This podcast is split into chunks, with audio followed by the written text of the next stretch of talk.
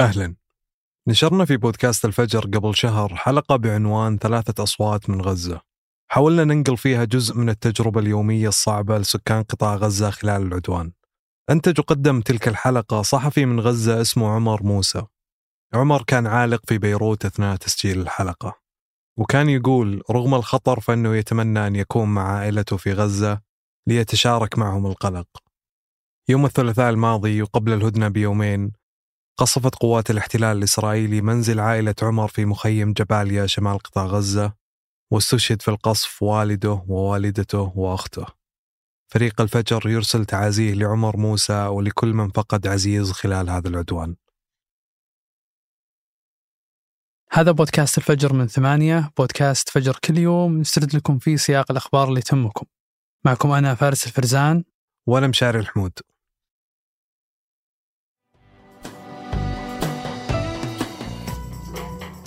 بعد 48 يوم من الحرب على غزة بدأت صباح يوم الجمعة 24 نوفمبر عند الساعة السابعة بالتوقيت المحلي لغزة. هدنة لمدة أربع أيام. تم التوصل للهدنة بين حركة حماس والاحتلال الإسرائيلي بوساطة من قبل دول أمريكا وقطر ومصر. وتنفيذا لشروط اتفاق الهدنة اللي مدتها أربع أيام أفرج الاحتلال الإسرائيلي يوم الجمعة عن 39 فلسطيني. هم 15 طفل و24 امرأة. في حين أفرجت حماس عن 23 محتجز هم 13 إسرائيلي و10 تايلنديين. وينص اتفاق الهدنة على تبادل 50 محتجز بغزة مقابل الإفراج عن 150 أسير فلسطيني عند الاحتلال الإسرائيلي خلال مدة الهدنة. وليلة الجمعة وصل 39 فلسطيني لمنازلهم قادمين من السجون الإسرائيلية. جمعت حشود في الضفة الغربية لاستقبال الأسرى والأسيرات. وسط هتافات وطنية وإطلاق ألعاب نارية. إذا مشاهدينا هذه هي اللحظات الأولى لخروج الأسرى الفلسطينيين الذين يحملون على الأكتاف الآن من قبل ذويهم. وفي بلدة بيتونيا غربي رام الله حاول جنود الاحتلال الإسرائيلي إفساد فرحة الأهالي وأطلقوا الغاز المسيل للدموع. سجل الهلال الأحمر الفلسطيني 31 إصابة بالرصاص الحي والمطاطي. في القدس الشرقية اللي يحتلها الاحتلال الإسرائيلي كانت الاحتفالات هادية تحت حراسة قوات الاحتلال الإسرائيلي. وقالت فاتنة سلمان لوكالة الصحافة الفرنسية الشرطة موجودة في منزلنا وتمنع الناس من القدوم لرؤيتنا لأن أي احتفال بشأن الأسرى المحررين ممنوع في القدس.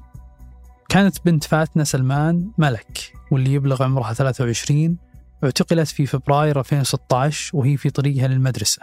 قبل سبع سنوات بتهمة محاولتها طعن شرطي في القدس.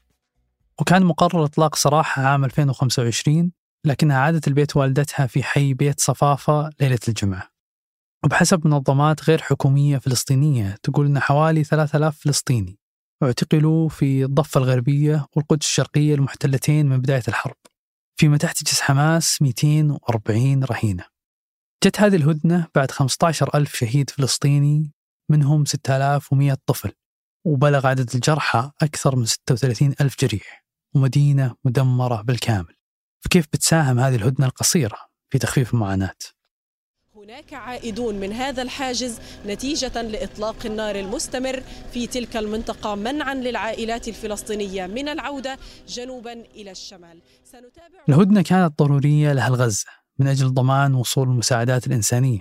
وقالت جمعية الهلال الأحمر الفلسطيني إن 196 شاحنة محملة بالمساعدات الإنسانية بما فيها الغذاء والمياه والإمدادات الطبية. سلمت عبر معبر رفح يوم الجمعة. وهي أكبر قافلة مساعدات الغزة من بدء العدوان الإسرائيلي على القطاع. وبعد الهدنة يقدر سكان الوسط والجنوب النازحين أنهم يرجعون لمنازلهم عشان ينتشلون جثث من تحت الأنقاض. أو حتى عشان يتفقدون بيوتهم اللي ربما يصعب عليهم تمييزها بعد أسابيع من القصف المدمر. فهل هذه الهدنة تعني نهاية الحرب؟ المتحدث باسم قوات الاحتلال الإسرائيلي أفيخاي أدري قال إن لن يسمح بأي شكل بتنقل السكان من جنوب القطاع إلى شماله في أثناء الهدنة. كانت قوات الاحتلال الإسرائيلي أطلقت عدة منشورات جوا حذرت فيها من أن الحرب ما انتهت. ويعتبر جيش الاحتلال الثلث الشمالي من القطاع وهو مكان مدينة غزة منطقة قتال وأمر جميع المدنيين بالمغادرة. وحذرت المنشورات من أن العودة إلى الشمال ممنوعة وخطرة جدا. ويقول بعض المقربين من حكومة الاحتلال أنه يمكن تمديد الهدنة لعشرة أيام. أما وزارة الخارجية القطرية قالت أنها تأمل الهدنة طويلة الأمد أو حتى وقف مستمر لإطلاق النار. تبقى كل الفرضيات مفتوحة. لكن نشوف أغلب المحللين لأن الوسطاء بيواصلون الضغط من أجل إطالة مدة الهدنة.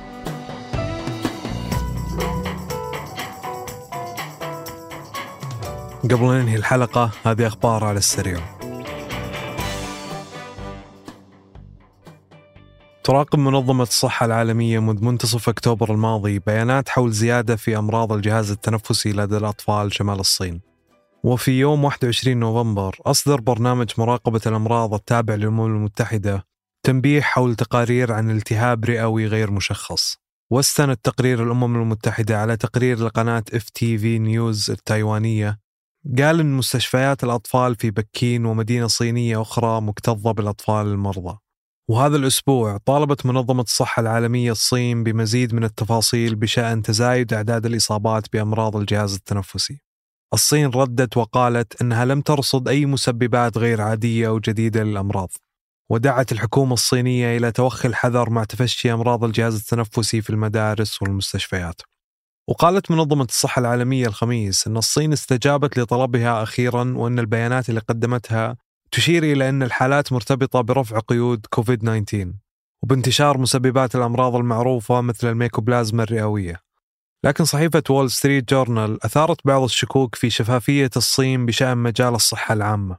وبررت سبب مخاوفها بأن الصين لها سجل غير منتظم في تبادل بيانات الصحة العامة خلال جائحة كورونا.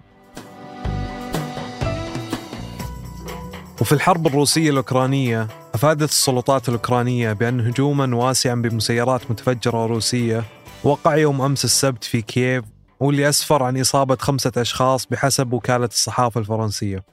وقال الرئيس الأوكراني فلاديمير زيلينسكي أن روسيا أطلقت أكثر من 70 طائرة مسيرة من طراز شاهد على أوكرانيا خلال الليل. وتم إسقاط معظمها. وبدأ الهجوم بضرب مناطق مختلفة من كييف في الساعات الأولى من صباح السبت مع توالي المزيد من الضربات مع شروق الشمس. ولم يتضح بعد هدف الهجوم. لكن كييف حذرت في الأسابيع القليلة الماضية من أن روسيا ستشن مجددا حملة جوية لتدمير نظام الطاقة في أوكرانيا مثل ما حاولت فعل هذا في الشتاء الماضي. وقالت وزارة الطاقة الأوكرانية أن ما يقرب من 200 مبنى في العاصمة بما في ذلك 77 مبنى سكني انقطعت عنهم الكهرباء نتيجة الهجوم.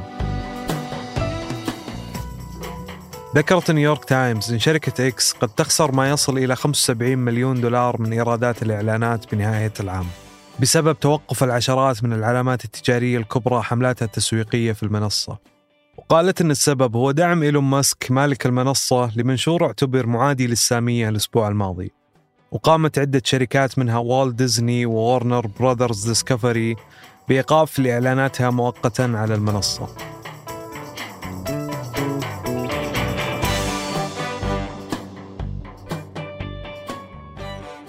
أنتج هذه الحلقة سفر عياد وقدمتها أنا فارس الفرزان. وأنا مشاري الحمود. وحررها محمود أبو ندى. نشوفكم بكرة الفجر.